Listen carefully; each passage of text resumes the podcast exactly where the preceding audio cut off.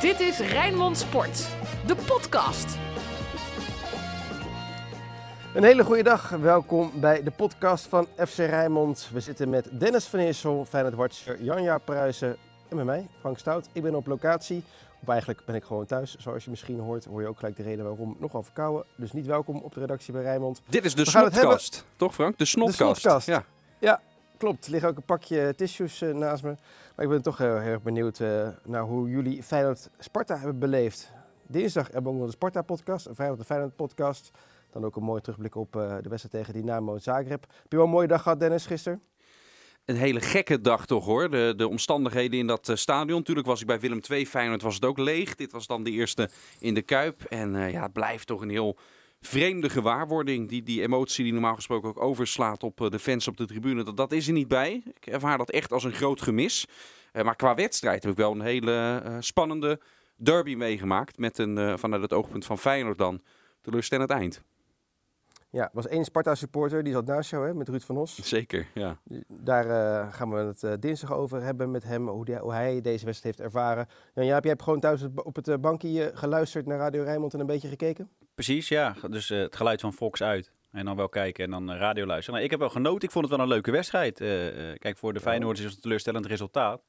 Maar ik vond Sparta eh, eh, op, het, op het begin na, eh, naar hun mogelijkheden spelen. En die knokten er echt voor. En ik had voor het eerst een beetje het idee dat Sparta ook geloofde in een, in een resultaat. Als we even die gekke wedstrijd van AZ natuurlijk eh, wegdenken. Dus ik, heb wel, ik vond het wel, een, ondanks dat er heel weinig kansen over en weer waren, heb ik wel, vond ik het wel echt een, een leuke eh, tactische wedstrijd eigenlijk. Met jullie permissie gaan we in elk geval beginnen over de wedstrijd vanuit Feyenoord oogpunt. Rood, wit, bloed, zweet. Geen woorden maar daden. Alles over Feyenoord. Dan is de eerste vraag natuurlijk aan eh, jou, aan, eh, aan Dennis, wat ik ook niet helemaal begrijp. Hè. Twee weken geleden was het allemaal Hosanna. 4-1 eh, winst van Willem II. En nu opeens is Feyenoord geen titelkandidaat meer, want 1-1 Ja. tegen Sparta. Ja, dat is mooi hè, in de, in de voetballerij. Sinclair Bisschop noemt dat altijd zo, zo De terecht. dagkoers. Mooie term. Ja, vind ik een mooie term. Want, ja, dat is Sinclair's bingo. ja, de dagkoers. Maar ja, zo, zo, is, het, zo is het wel natuurlijk. Hè? Dat, ja, dat het opportunisme eh, hoogtij viert in het voetbal. En ja, toch wel verbazingwekkend. Omdat de wisselvalligheid bij Feyenoord eh, is niet iets nieuws. Het is iets waar we het al jaren over hebben. Ook onder Van Bronckhorst was dat al wisselvalligheid binnen wedstrijden op zichzelf. Maar ook tussen wedstrijden onderling. Dus dan eh, ja, kan het niet verrassen dat, dat Feyenoord opeens toch weer een heel ander gezicht en een ander niveau laat zien dan, eh, dan twee weken ervoor. Toen het wel goed was en, en gisteren niet. Het is, eh, het is allebei waar. En een eh, pittige taak voor advocaat om eh, dat wat meer bij elkaar te krijgen. Nu gebruiken wij allemaal wel eens een beetje eh, een cliché. Maar ik denk de uitdrukking die jij de afgelopen jaren het meest hebt gebruikt, Dennis, in interviews met name na afloop, is een wedstrijd met twee gezichten. En gisteren hoorde ik er meer voorbij komen toen je eh, eh, volgens mij met Jens Toornstra in gesprek was. Ja. Zit Ja. nu kritiek Wat, op, vind- eh, wat, vind je, wat vind je ervan? Nee, nee, oh nee, nee, nee, nee. Dit is geen kritiek op Dennis Ja. hoor, maar dit is meer. eh, ja, Ja, ik neem hem wel te harte. Ik zal kijken of ik er wat meer synoniemen voor kan vinden. Want het komt zo Ja. vaak voor bij Feyenoord dat het inderdaad voor de afwisseling goed is om meer termen ervoor te hebben dan, eh, dan twee gezichten. Maar, maar ja, maar dat is... eh, Maar het komt wel inderdaad heel vaak voor bij ja, Feyenoord. ja, zeker. Hoe ja. kan dat nou? Ja, dat heeft natuurlijk ook gewoon, eh, eh, la- laten we het simpel houden, gewoon met kwaliteit natuurlijk te maken. Hè? Als Feyenoord veel spelers had die week in, week uit het, het, het, topniveau halen, wat ze bijvoorbeeld bij Willem II lieten zien, ja, dan hadden veel van die spelers waarschijnlijk niet bij Feyenoord gespeeld. En eh, de paar spelers die dat wel hebben, die wel constant zijn, die, die zijn dan ook weer snel bij Feyenoord vertrokken. Dus ja, eh, dat heeft ermee te maken. Eh, ook gewoon benadering van een tegenstander. Eh, daarmee bedoel ik hoe de tegenstander tegenover Feyenoord staat. Want Willem II stond natuurlijk wel anders op het veld dan hoe Sparta het deed. Hè? Willem II werd misschien ook een beetje verrast door die tactiek van advocaat. Iedereen werd een beetje verrast door hoe hij het daar had neergezet. Sparta heeft zich daar een hele week natuurlijk op kunnen instellen. Op hoe Feyenoord staat. En heeft dat gewoon ook uitstekend gedaan. Laten we dat compliment ook zeker wel verdiend aan, eh, aan Sparta geven. Want dit is de manier, en ik denk dat veel clubs dit gaan kopiëren ook, hoe je Feyenoord in de Kuip moet eh, bestrijden. Maar het viel toch wel mee dit keer met twee gezichten. Want zo goed was de eerste helft toch niet van Feyenoord? Nee, nee, absoluut. Nee, dat klopt. Het, het was nu eigenlijk gewoon heel de wedstrijd lang. Was ja, het, ze eh, komen eigenlijk op, het slecht. op, op Ja. 1-0 door, door Haps. Maar dat zat er nou ook niet. Ik had niet het idee dat, dat, dat, je, dat jij dan op de tribune dacht van... Nou, ik ga nog voor de rust. Eh, gaat Feyenoord hier de 1-0 eh, eh, maken? Dat kwam eigenlijk een beetje uit, uit het niets, eh, toch? Nee, in de eerste helft waren er wel wat, wat, ook wel wat kansen. ja, wel wat kansen en mogelijkheden. Hè, met, eh, met Berghuis, met Diemers een, eh, een, keer. En in de tweede helft heeft Feyenoord echt niets meer. Maar volgens mij echt letterlijk niets meer gecreëerd. Nee, Sparta kreeg vleugels hè, door, die, doel, door, die, door, die, door die penalty. Ja, één schot op doel. Ja. En, Ja, bij in- van, en, bij van Leer, en bij. Van Leer weet je dat hij dan zit. Ja, dat we, vind ik- we hebben het straks eventjes zo, nee, we hebben het straks even over Sparta. We kijken het nu even vanuit Feyenoord eh, oogpunt. Een beetje een rare podcast eh, voor ons, zoals de derby altijd een beetje raar is eh, voor ons, terwijl die ook heel mooi is. Laten we dat niet vergeten. Ehm, ik vond advocaten na afloop zo mild. Berghuis ook. Je kon duidelijk zien dat daar afspraken over waren gemaakt, toch Dennis? Dat, eh, dat Ja, ze niet weer de boel gingen afvakken. Dat inderdaad, die, die kritiek, eh, hè, dat Berghuis dat dan vooral intern in de kleedkamer moest, eh, moest houden. Een advocaat zal ook wel de, de gedachte erbij hebben gehad. Eh, dat ja, het is ook iets wat een beperkte houdbaarheidsdatum heeft. Hè. Als je als trainer heel erg kritisch op je eigen ploeg bent. Ik vind het altijd wel mooi om gewoon maar te benoemen hoe het is. Want iedereen heeft het, heeft het gezien. Eh, en op zich zat er wel realisme ook gewoon in bij hem. Maar om, om echt je ploeg eh, eh, ja, zo op scherp te zetten. Dat kun je maar een beperkt aantal keren kun je dat doen, denk ik. Dus ik vind het wel verstandig ook dat advocaat dat doseert. Ook nog eens omdat hij ook natuurlijk, en terecht, twee weken geleden heel erg lovend was. Ook over de potentie die, eh, die Feyenoord heeft. En dat is ook niet opeens nu gelijk verdwenen. Hè? Ik, ik, ik, ik vind het niet, eh, ja, niet handig om nu gelijk weer door te slaan in het negatieve bij hoe slecht het dan bij Feyenoord was. Want je weet ook dat een volgende wedstrijd zit er wel in dat ze opeens wel weer een veel hoger niveau kunnen halen. Deze wedstrijden zitten er toch Ja. altijd tussen. Die, die- speelt Feyenoord toch in het seizoen, spelen het gewoon vier, vijf van dit soort potjes. En dan soms komen ze nog goed weg dat ze dan nog de, de winnende maken. Maar Ja. dit is toch, ja, dat, dat het even allemaal niet loopt. Dat dan een beetje tegen zit, dat zo'n Spa-iets op iemand zijn hak gaat staan. Eh, dat het dan ook weer net er binnen blijkt te zijn. Ja, dan schiet Sparta erin, die krijgen dan vleugels. Ja, dan komt Feyenoord er al helemaal niet meer door. Ja, dat soort wedstrijden. Nee, maar het zat ook weer, weer een klein beetje mee, eh, Jan Ja, met eh, de rode kaart die Toornstra had moeten krijgen natuurlijk. Ja, ik vind dat dus helemaal geen rode kaart. Oh, echt, eh, Dat is, dit is, nou ja, omdat dit gewoon een overtreding is waar, waar er eh, in een eh, voetbalweekend eh, over heel de wereld eh, honderden joh. van worden gemaakt. Ja, natuurlijk wel. Het is gewoon een Die aanval eruit Svensson, die was toch veel minder erg en die kreeg wel rood. Ja, maar dat is weer een heel ander vergelijk. Eh, Zo'n overtreding, het is omdat Haroui een beetje gek valt. eh, lijkt, het heel, lijkt het heel heftig. Hij, hij haalt, hem, haalt hem gewoon tegen, hij steekt zijn Hij been heeft uit. nul intentie om de bal eh, te spelen. Ja, maar dat gebeurt, wel- dat gebeurt toch wel vaak, hè? Als je iemand vasthoudt, heb je ook nul intenties manier. om de bal te spelen. Dennis, vul jij even het oordeel. Was het rood of geen rood? Ik was niet verbaasd geweest als de rood was gegeven. Maar ik snap wel dat de VAR ehm, niet ingrijpt en zegt dit moet een rode kaart zijn. Want dat vind, dat, dat vind ik niet. Ehm, de- de- hè, hij komt niet op knieschijfhoogte daarbij. Natuurlijk geen enkele intentie om, om de man te spelen. Hij haalt de counter eruit, dus zeker een gele kaart. Eh, maar dat het rood moet zijn, nee, ik snap wel dat de VAR zegt, toch? ik laat het besluit staan. Maar als die scheidsrechter al, al, al direct rood had gegeven, had de VAR denk ik ook het, het niet teruggedraaid. Nee. En Maar we schrikken gewoon omdat Haroui er g- gek valt. Daar schrik je van. Als Haroui gewoon... Als het, daardoor lijkt het veel heftiger, hoor. Nou, En- en in herhalingen lijkt het altijd ik, heftiger, Ik schrok pas en, en Toornstra zelf ook bij de, Herhaling. eh, bij de herhaling. Daarom. In het moment in zelf dacht je, oké, stadion- geel. Ja. Hij haalt die counter eruit, doet hij op een manier waarbij je weet, ik, ik pak geel en that's it. En dan zie je die herhaling. En eh, hij komt wel echt op een, op een linker manier in. Dus ik, ik, ik begrijp heel goed dat de discussie er is. Maar voor de regels en zoals ik ze heb begrepen vanuit Zeist, snap ik ook... eh, ik vind het geen, geen overduidelijke rode kaart dat de VAR zegt, dit, dit is zo fout, eh, dit is zo gemeen eh, dat er rood komt. Nee, dat, dat vind ik niet. Even over de spitspositie. Hè. Linse oogde niet heel erg gelukkig gisteren. Ik zag een statistiekje dat hij maar 17 keer de bal heeft aangeraakt. Ja. Nou ja, Jurgensen komt er daarna in. Vijf keer balcontact, niet zo heel erg veel. Diemers als linksbuiten ook niet echt met succes. Ja, dan moet je Haps noodgedwongen inbrengen als linksbuiten. En dan Johnson als linksback. Ja, waar heb jij, eh, ja, voel- voelde je Nou, een beetje mee met eh, die gasten? Dennis? Nou, als je, als je het hebt over Lins, hè, kijk, dit zag je wel tegen Willem II.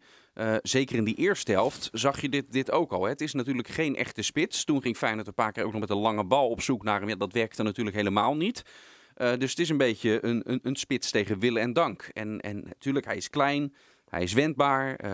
dat kan voor gevaar zorgen. Maar het is, ja, het is niet de spits in het systeem zoals Feyenoord het vaak graag eh, speelt. Dus het is, het is alles behalve ideaal. En ehm, ja, om, om dat Linse dan helemaal te verwijten, ja, dat, dat is ook niet helemaal eerlijk. Want eh, ja, ga er maar aan staan tegen eh, dat blok van drie. En dan ben je die kleine Linse. Je kan maar op één manier zou, zou je er langs kunnen. Want met hoge ballen spelen heeft geen enkel nut. Ja, dan Nou, is, is het ook verrekt moeilijk.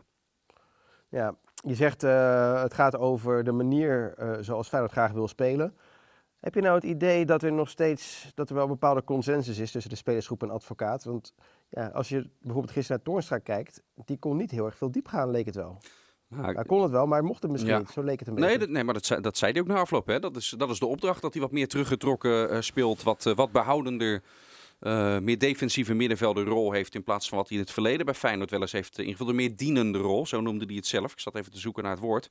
Ja, kijk, weet je, naar buiten toe. En, dat vind ik nou iets inderdaad waarbij als je nou intern afspraken maakt bij Feyenoord... Hè, ook richting Bergers die dan een keer deed... welke dingen hou je nou inderdaad intern... en welke dingen... ehm, kun je wel gewoon kritisch, omdat iedereen het ziet, naar buiten toe aangeven. Nou, dit vind ik een voorbeeld. Het is niet meer dan logisch, denk ik, zeker na gisteren ook weer, dat er intern, tussen die spelersgroep en tussen advocaat, dat er discussie is over eh, de manier van, eh, van spelen. Ik zou het eerder ongezond vinden eh, in een betaald voetbalorganisatie als dat niet het, het geval is. Alleen ja, dit is natuurlijk eh, eh, kritiek die je intern moet voeren. En naar buiten toe moet je wel met één mond spreken. Want uiteindelijk is advocaat de baas. Die bepaalt de speelwijze. En daar kun je als spelersgroep kritisch op zijn. En, en dat zijn ze ook hoor. Er zijn voldoende spelers die echt wel eh, eh, kritisch erop zijn. Maar naar buiten toe sta je altijd achter, eh, ja, achter de leidinggevende die de besluiten neemt. En dat is in dit geval advocaat. Maar wat had er anders advocaat- gemoeten dan? Oh, sorry. Nou ja, had advocaat eh, wat aanvallender moeten wisselen toen verder uitging bijvoorbeeld? Had hij Diemers eh, op die plek moeten zetten en Conte erin? Of Narsing? Ja, of- Narsing en Kukju op de eh, bank. eh of 90 Kukçu. Ja, dat, dat, dat vond ik wel. Hij had nog wisselmogelijkheden achter, eh, achter de hand. Hè? En, een, en een bezetting op de bank waarmee het kan. Dat, dat verraste me wel. Zeker omdat je ziet, hij wisselde een kwartier voor tijd. Kwam, eh kwam Jurgensen er dan in en kwam Johnston erin. Eh, in, in, in, ja, eigenlijk in de eerste paar minuten zag je al dat er toch weinig veranderde. Feyenoord creëerde nog steeds niets. Ja, je hebt nog wisselmogelijkheden met een Narsing, met zijn snelheid. En ik weet, eh, eh, ja, je, ziet altijd dat die toch voor dreiging zorgt. Het vizier staat dan helaas niet altijd op scherp, dus hij maakt het niet af. Maar er gebeurt wel wat. En Feyenoord creëerde natuurlijk helemaal niets. Dus ja, als je dan Narsing en Kuksu en eventueel Conti, waar we nog niet zoveel over kunnen zeggen, op de bank hebt zitten. ja, dan is het verrassend als je 1-1 tegen, tegen Sparta staat thuis. Eh, dat je die, die, die, die, spelers niet gebruikt om eventueel toch nog iets te forceren. En blijkbaar vindt hij Haps daarvoor dan meer geschikt. Want hij brengt Johnson in om Haps naar voren te zetten. Ik neem niet aan dat er een Ja. andere reden voor was waarom Johnson moest spelen. Omdat Haps dan naar voren kon. Klopt. Eh, terwijl je dan inderdaad Narsing, Conte, Kukcu kan daar misschien ook nog wel. Als je, als je eh, toch iets moet forceren, kan hij misschien een bal nog, nog voorslingeren op Jurgensen vanuit, vanaf links. Dus ik... eh, Ja, nou ja, kijk, weet je, als er, als er één iemand nog iets van dreiging eh, in die wedstrijd had, dan was het Haps. Maar dat gold wel in de eerste helft. Nog los van het doelpunt. De enige keren dat Feyenoord echt dreigend was, dan ging het over die, over die linkerkant eigenlijk. Eh, wat nieuwkoop, als je dat tegen elkaar afzet, mhm. in aanvallende zin. Ja, eigenlijk heel de wedstrijd niets van gezien. Maar na rust was dat bij Haps ook verdwenen. Eigenlijk heel Feyenoord. Sinds, dat, sinds de tegengoal. Nou ja, Feyenoord, die, die- de spelers van Sparta, die leken allemaal wel een kop groter te zijn. Maar bij Feyenoord was het vertrouwen eh, in één klap helemaal verdwenen weer. De advocaat moet nu in elk geval gaan puzzelen de komende weken hoe die eh Leroy Ver gaat vervangen. Er zal er eh, een maand of ander, ja, anderhalf uit zijn. Donderdag natuurlijk Europa League, Dynamo Zagreb uit. Even kort, Dennis, of Jan-Jaap. Hoe, wat zou het meest ideale middenveld zijn donderdag en misschien ook wel de aankomende weken?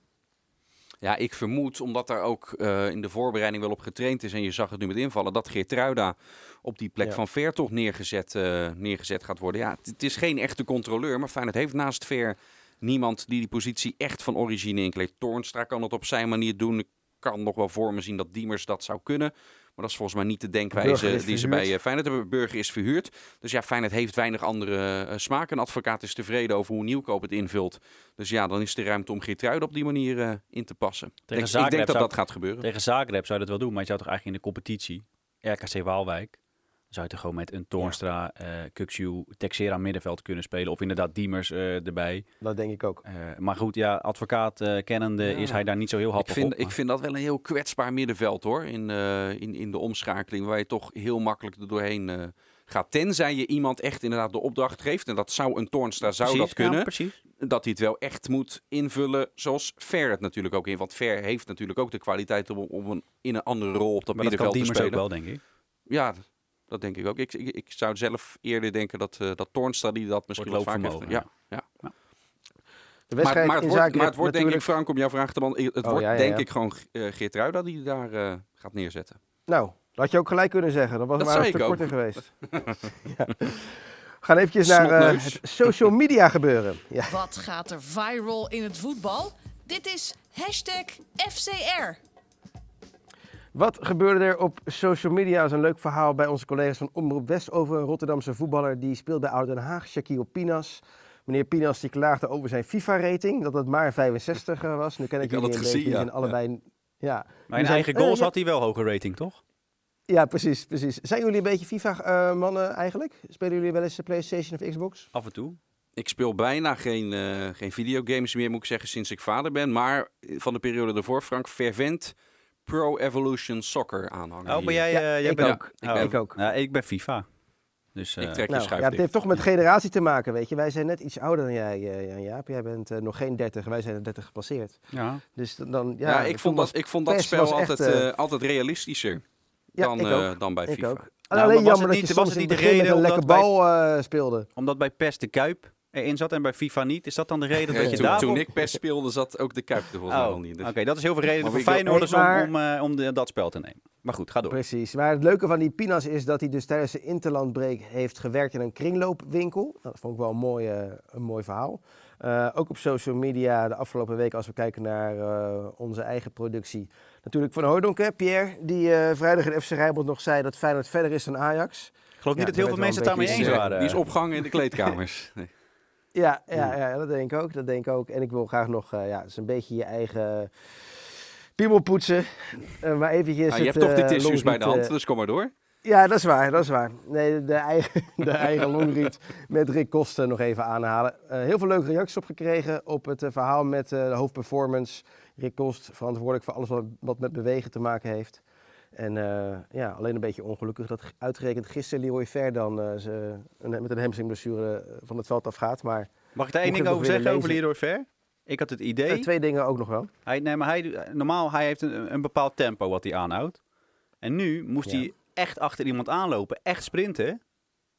En meteen schiet het dan in zijn hamstring. Dat vond ik zo, want hij normaal, hij is natuurlijk wel, hij is niet heel, heel snel en heel, niet heel explosief. Maar hij heeft altijd een beetje één tempo. En nu zag je, dan moest hij echt, echt even achter iemand aanlopen. En hij, weet je wel, hij raakte geblesseerd. Ja, hij hield hem volgens mij al niet bij. En Nee. toen ging hij nog proberen om Hij nog door, door te limiet. schakelen. Ja, En toen was het knap. dat vind ik, Volgens vond ik echt wel opvallend. Het is eigenlijk de eerste keer dat je hem echt vol ziet gaan. In de eerste helft natuurlijk ook zo'n gek moment dat hij een beetje over, over, overstrekt. Hè? Dat, hij hem, dat, dat hij ook al eh, naar zijn lies greep volgens mij. Dat viel hem uiteindelijk gelukkig mee. Maar dat vond ik wel opvallend, ja. Dat hij na één keer uh, sprint wel- tegelijk... eh, opmerkelijk is. Maar nu ga ik misschien te veel doordenken. En dat komt ook een klein beetje omdat ik zoveel contact met Rick Kosten de afgelopen periode heb, eh, heb gehad. Maar we weten allemaal dat Leroy Ver is net vader geworden. Eh, en heel erg belangrijk voor een topsporter is slaap. Eh, daar blijf je ook fit van. Zou dat misschien mee te maken kunnen hebben dat hij wat weinig heeft geslapen en dat dit dan een gevolg daar ik, eh, ik weet het niet, ik ga ik speculeren. heb daar maar- geen verstand van, dus ik kan hier ge- geen zinnig woord over zeggen. Maar als, Nou. als, dat, als hij weinig slaapt en dat heeft ermee te maken, ja, dan zou dat een reden Zou kunnen zomaar kunnen, ik weet het niet. Hè? Maar goed, dat eh, gaan we later nog wel een keertje aan eh, Rick vragen. Gaan nu naar eh, het voetbaloverzicht. Hoe staan de koppen en hoe zitten de noppen bij Sparta, Excelsior en FC Dordrecht? Dit is het Rijnmond voetbaloverzicht. Nogmaals, dinsdag dus een eh, podcast geheel in het teken van Sparta. Maar we gaan toch de mannen van West uiteraard eventjes behandelen. Iets korter dan Feyenoord. Nogmaals, omdat er morgen dus een extra podcast of een eigen podcast eh, is. Oude Sar zijn na afloop. Elf Frezers hebben we op het veld gezien. Elf Henk Mooie, Frezers. mooie quote was dat, hè? Ja. Ja, hè? Hij was sowieso op dreef bij die, eh, bij die persco. Die, Oude eh, Sar is ja. goed in zijn interviews. Ja. Echt waar. Is een van de beste, beste interviews eh, gevende aanvoerders van de Eredivisie. Eerlijk, altijd eerlijk, hè? Ook naar zichzelf Ja. toe, naar, naar, naar, zijn, naar zijn team toe. Zegt altijd, eh, heeft altijd ook vrij helder hoe de wedstrijd is gegaan.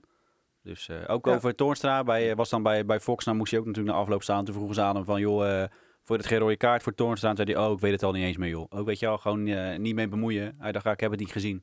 Dus dan hoeft hij er ook geen oordeel over, eh, over te geven. Weet je wat ik mooi vond? Ik, in ieder geval in hoe hij het na afloop zei. Ik weet niet of hij dat bewust deed. Maar ik vond Awassar daarin echt een voorbeeld van iemand die dan eh, vanuit zichzelf die motivatie kan halen. Want hij begon eigenlijk zijn analyse naar die wedstrijd meteen door te zeggen... ik heb genoten van hoe het in het stadion was, ook langs de kant. Ja. Omdat ik de, de emotie bij die trainers nu veel meer mee... Dat was de eerste keer, dan hij, dat hij Ja. zonder publiek, voor het eerste keer dat hij echt genoot van een wedstrijd. Ja, en, en later gaf hij wel aan inderdaad dat het allemaal veel minder leuk is... eh, eh, zonder publiek te spelen. Dat gaf hij allemaal ook ruiterlijk toe.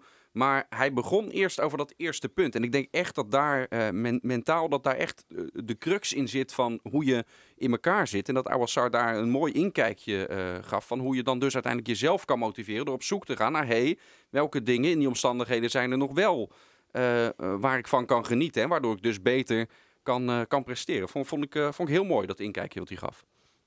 Moet Sparta vaker 5-3-2 gaan spelen? Ja. Zeker in. Niet alleen in- tegen grote clubs? Ik, ik zou bijna zeggen in, in eh, nagenoeg elke uitwedstrijd. Want Sparta een uitwedstrijd is eh, niet echt een heel gelukkig huwelijk. Dat bijna Maar elke uitwedstrijden uitwedstrijd. maakt nu niet zoveel meer uit, joh, met corona. Eh, ik, denk, ik denk nog steeds. Ik denk nog steeds. Omdat dat zo, zeker hier in Nederland, in, eh, eh, in de hoofden is gestampt van iedereen van jeugd af aan. Van thuis moet je domineren, dan moet je Hollands voetbal spelen, et cetera, et cetera. Dat voor heel veel uitploegen, eh, die dan dus niet het spel eh, hoeven te maken, dat dit ehm, gewoon een uitstekende eh, tactiek is. Zei Henk Vrezen toch ook? Van, blijkbaar waren ze toch wel onder de indruk. Ook al was het stadion leeg, maar het is dan toch Feyenoord. Op een of andere gekke manier. Dat dan toch, je speelt toch een uitwedstrijd, dus je bent toch iets afwachtender. Je gaat toch precies niet helemaal doen wat de trainer zegt. Dus dat, blijkbaar speelt dat toch in de... In de je, je gaat gewoon naar een ander stadion. En, en als jij in je eigen stadion speelt, dan heb je toch altijd meer vertrouwen. Dus hij heeft het er ook mee te maken. Niet alleen met of er nou publiek is die je naar voren schreeuwt. Die 1-0, dat was gewoon een fout van Verleer, of niet? Ja, tuurlijk is dat een fout van Verleer. Ik bedoel, Een, hij- een kan- foutje. Een hij- foutje. Nee, hij kan Want- zich verschuilen achter dat Beugelsdijk. eh, Maar kijk, Beugelsdijk die doet gewoon zijn benen dicht. Is te laat, omdat de- dat is gewoon een schot. Nou ja, en dan een keeper. Je kan wel zeggen, ja, Beugelsdijk moet hem wegtikken. Maar een keeper moet altijd rekening houden dat die bal eh, door kan schieten. En als hij gewoon blijft staan of hij gewoon eh, zijn handen naar beneden doet, dan heeft hij hem. Maar hij, gaat, hij duikt heel gek naar achter weer. Ja, verandert hij niet nog een klein beetje ook doordat Beugelsdijk hem door zijn been Nee. Ik, ik, ik, ik twijfel daar nog steeds. Ja, aan. maar ik heb dan een paar nog- keer teruggekeken en nog steeds Het, is, twijfel het ik zijn allemaal ballen. Eh, kijk, het is niet een, een hele grote blunder. Nee. Maar een keeper moet gewoon zo'n bal tegenhouden. Nou, weet je wat ik vooral vind, en dat zal ik morgen in die eh, Sparta-podcast ook nog wel eh, eh, gaan zeggen. Eh, we zijn nu vijf wedstrijden onderweg. Het zou gewoon zo lekker zijn als Sparta ook een keeper heeft, net als bijvoorbeeld RKC met Lamproe afgelopen weekend had, die een keer een punt pakt voor je. Nou, dat, dat is het grote probleem. Dat, dat, eh, en dat doet hij niet. En wat, wat, we, wat ik net al zei, eh Feyenoord dan statistiek eh, één schot echt tussen de palen gehad. Ja, die, bij Sparta Ja. is de kans gewoon heel groot dat hij gelijk zit. We hebben het in andere wedstrijden ook Ja. gezien, waarin Van Leer gewoon, hij, heeft geen Ja. cruciale reddingen. Ja, ik vind het toch nog steeds eh, te streng. Ik zie die dingen ook. Ik zie dat Van Leer absoluut nog geen goede indruk maakt, maar ik vind het te vroeg. Ik vind het te vroeg. Zeker als je kijkt, NAC nee, maar zeker als, je kijkt, als de kritiek nou is, hij pakt geen punten voor je, dan vind ik dat je er ook bij moet pakken welke wedstrijden heeft Sparta gehad en wat is het verwachtingspatroon wat je ook realistisch gezien mag hebben bij die wedstrijden. En ze hebben Ajax thuis gehad, eh, Vitesse uit en dan AZ en, eh, en Feyenoord. Ehm, ehm, zelfs als Van Leer bijvoorbeeld tegen Ajax die fout niet had gemaakt, is het zeer waarschijnlijk dat Sparta die wedstrijd toch had verloren. Als deze lijn die hij nu laat zien, als hij dat Nou, doortrekt, ook in de wedstrijd. Nee, dat, Ajax met 10 man? ja, nee, maar, dat- nee, maar wat, ik, wat ik bedoel te zeggen, Ja, ik snap wat je bedoelt. ja. snap ik. Dus En ik ik vind, vind het deze, heel ik vervelend vind, om te zeggen, maar ik, ik ga je vind, nog deze, gelijk discu- geven ik vind deze discussie te vroeg. En als nu de komende weken in wedstrijden waarbij Sparta inderdaad ook de verwachting is dat ze punten pakken. En het lukt weer niet, mede door Van Leer en dit soort momenten. Dan vind ik het, mom- het moment om deze discussie te voeren. Ik vind het nu eh, te Of je, vroeg. kan, of je kan het voor zijn. Dat je die wedstrijden gaat winnen, omdat je ziet in elke, Ja, elke of- wedstrijd zie je een fout. Ja, elke wedstrijd maakt Van Leer een fout. Ja, of er blijkt dat het eh, niet zozeer aan eh, Van Leer toch ligt, maar aan het, aan het niveauverschil. Dat gaat de komende weken uitwijzen. Ja. Want Sparta Ja, heeft wel nou we wedstrijden gehad. op, de, eh, twee punten uit deze vijf. Het is allemaal Nee, dat toch is niet prima gek. toch? Ja. Nee, dat is niet gek. Nee, morgen, Nee, morgen in de. Sparta-podcast gaan we er uitgebreid over door. Ja, zeker. Ik wil heel even nog kort eh, Excelsior en Dordrecht benoemen. Excelsior, ik weet niet of jullie het hebben gezien, want Ja. allebei de wedstrijden werden 90 minuten ja. uitgezonden. Nou ja, je gaat niet voor lol 180 minuten naar Excelsior en Dordrecht kijken, maar ik heb toch een eh, poging gewaagd. Ehm, ik weet niet of jullie het ook hebben gezien, maar Excelsior met 2-0 gewonnen van MVV. Eh, grappig eh, statistiekje, sinds de degradatie heeft Excelsior nu zes keer de nul gehouden en drie keer tegen MVV. De laatste twee gewonnen thuiswedstrijden waren tegen MVV en tegen Jeetje, help me even. Weet De laatste gewonnen thuiswedstrijd. Oh, twee niet. keer Oh, MVV. oké. Ah, de laatste oké. twee gewonnen thuiswedstrijden waren tegen MVV en tegen Ja, dit seizoen nog niet. Ik zat dat te denken. We hebben, ze hadden dit seizoen nog niet gewonnen. Nee. Nee, nou, Ook en een foutje van de keeper Ja. trouwens, de 1-0 bij de, de vrije trap van Zo. Julian Baas. Dat op zich mag een keeper die wel hebben van Ja, die zeker. Mag, ja. Zeker. Wel, wel, leuk voor de jongen. Hij werd uiteindelijk volgens mij ook Man ja, of the Match gekozen. Of kreeg een andere award. Ja. Eh, heel Ja, klopt. jong, talentvol. Eh, mooi dat hij eh, zijn kans lijkt te grijpen nu eh, bij Excelsior. Vind ik leuk om te zien. En Dort 2-0 voor tegen Almere 2-2. Eh staan nog wel laatste. Eh, wat ik dan een beetje... Nou, ik heb, ik Ja, heb, gekeken, ik heb gekeken gisteravond. Wel echt, eh, ik vond het echt volstrekt onnodig. Want Dordrecht speelde in die eerste helft Ja, echt prima. Volgens mij onderschatte Almere de boel enorm. Omdat die bovenin meedraaien ook nu. Dordrecht echt volgens mij, vind ik, dik verdiend op 2-0. Eh, en dan vlak voor de rust geven ze die goal weg. En eigenlijk in de rust zei ik het al. Ik zat even te appen met Sjoerd de Vos. Die was aan de Krommelijk. Toen zei ik al, dit gaan ze hierdoor nog weggeven. En, en dat gebeurde ook in die, eh, Ja. in die tweede helft. Ja. En dat is echt zonde. Want, want het potentieel bij Dordrecht, eh, vind ik, ligt wel hoger dan vorig seizoen. Niet zo hoog als wat, ze, als wat ze zelf zeggen dan eh, dat, dat ze voor het linker rijtje gaan meedoen. Dat geloof ik niet. Maar inderdaad, eh, dit Dordrecht hoeft echt geen laatste te worden dit, eh, dit seizoen. En vorig seizoen strookt alleen niet helemaal met hun eh, social media beleid, Dennis. Dat ze tevreden zijn, of dat, dat ze het linker rijtje willen doen. Want ze gooien er vandaag een tweetje uit. Zo, Dordtenaren, zijn jullie ook zo eh, met een lekker gevoel opgestaan? En dat na een 2-2 gelijkspel tegen, tegen Almere. Is dat, Nou, oh, die heb ik, Maar ik Almere is even best gemist. wel, ik denk dat Almere best wel is... eh, eh, Jawel, maar als je 2-0 voor staat, het blijft Almere, eh, dan moet je gewoon die wedstrijd Ja. winnen. Hey, Ah, ik mannen, vind het zo jammer. Een, een nog paar jaar geleden, nog- heel, heel kort, een paar jaar, nou kort. Een paar jaar geleden had Dordrecht, als je het nou hebt over hoe je als cl- kleine club kan onderscheiden. En je hebt het over het social media account. Toen hadden ze echt een leuk social media account. Volgens mij was die, die Elisa Ja. die daar die Elisa. daarachter zat. En, en Ja. dat, die had dan af en toe ook wat cynische humor. Dat nou, was bijna wel elke dag uh, Nee, ja, maar- zelfspot was... eh de- maar- Dordrecht dat werd was- maar dat- dan. maar dat ging als een tierenlier. Ja. Dat is ook iets waarmee je je club Ja. op de kaart kan zetten. Echt jammer dat daar toen een, eh, een streep door is, eh, is gezet. Elstar doet het hartstikke goed en daar had Dordrecht gewoon lekker door mee moeten gaan. Mannen, heel kort nu naar de Rijnmonden van de week. Wie viel erop deze week? En op wie moeten we gaan letten? De Rijnmonder van de week. Allebei in één zin, want we zitten bijna op het eh, half uurtje. Die van mij is Emmanuel Emega. Ja, dat ik ook. En dan kunnen we, Vanwege één dan kunnen we daar morgen met Anton en Ruud, eh, Frank, kan je het daar eh, uitgebreid over hebben hoe goed hij is. De eh, één ding, die bal in de laatste Ja. minuut die hij geeft, hij wacht, hij wacht en hij geeft een fantastische Precies op steekbal. tijd, precies op de Die juiste Warte moet hem gewoon maken, dan wint Sparta gewoon in de Kuip. Ja. Eh, ongelooflijk. Eh, goed gepakt van Bijlo ook trouwens, maar een fantastische bal. Ja, was- eh. Echt fantastisch. Het mooie is, hij, is, hij had- is zo jong, maar, Bijlo. da- maar bij dat momentje zie je echt het, het Ja. voetbalintellect al. eh, dat vond ik echt top. Maar inderdaad, Ja. dat Duarte niet scoort, komt ook eh, door Bijlo inderdaad, Frank.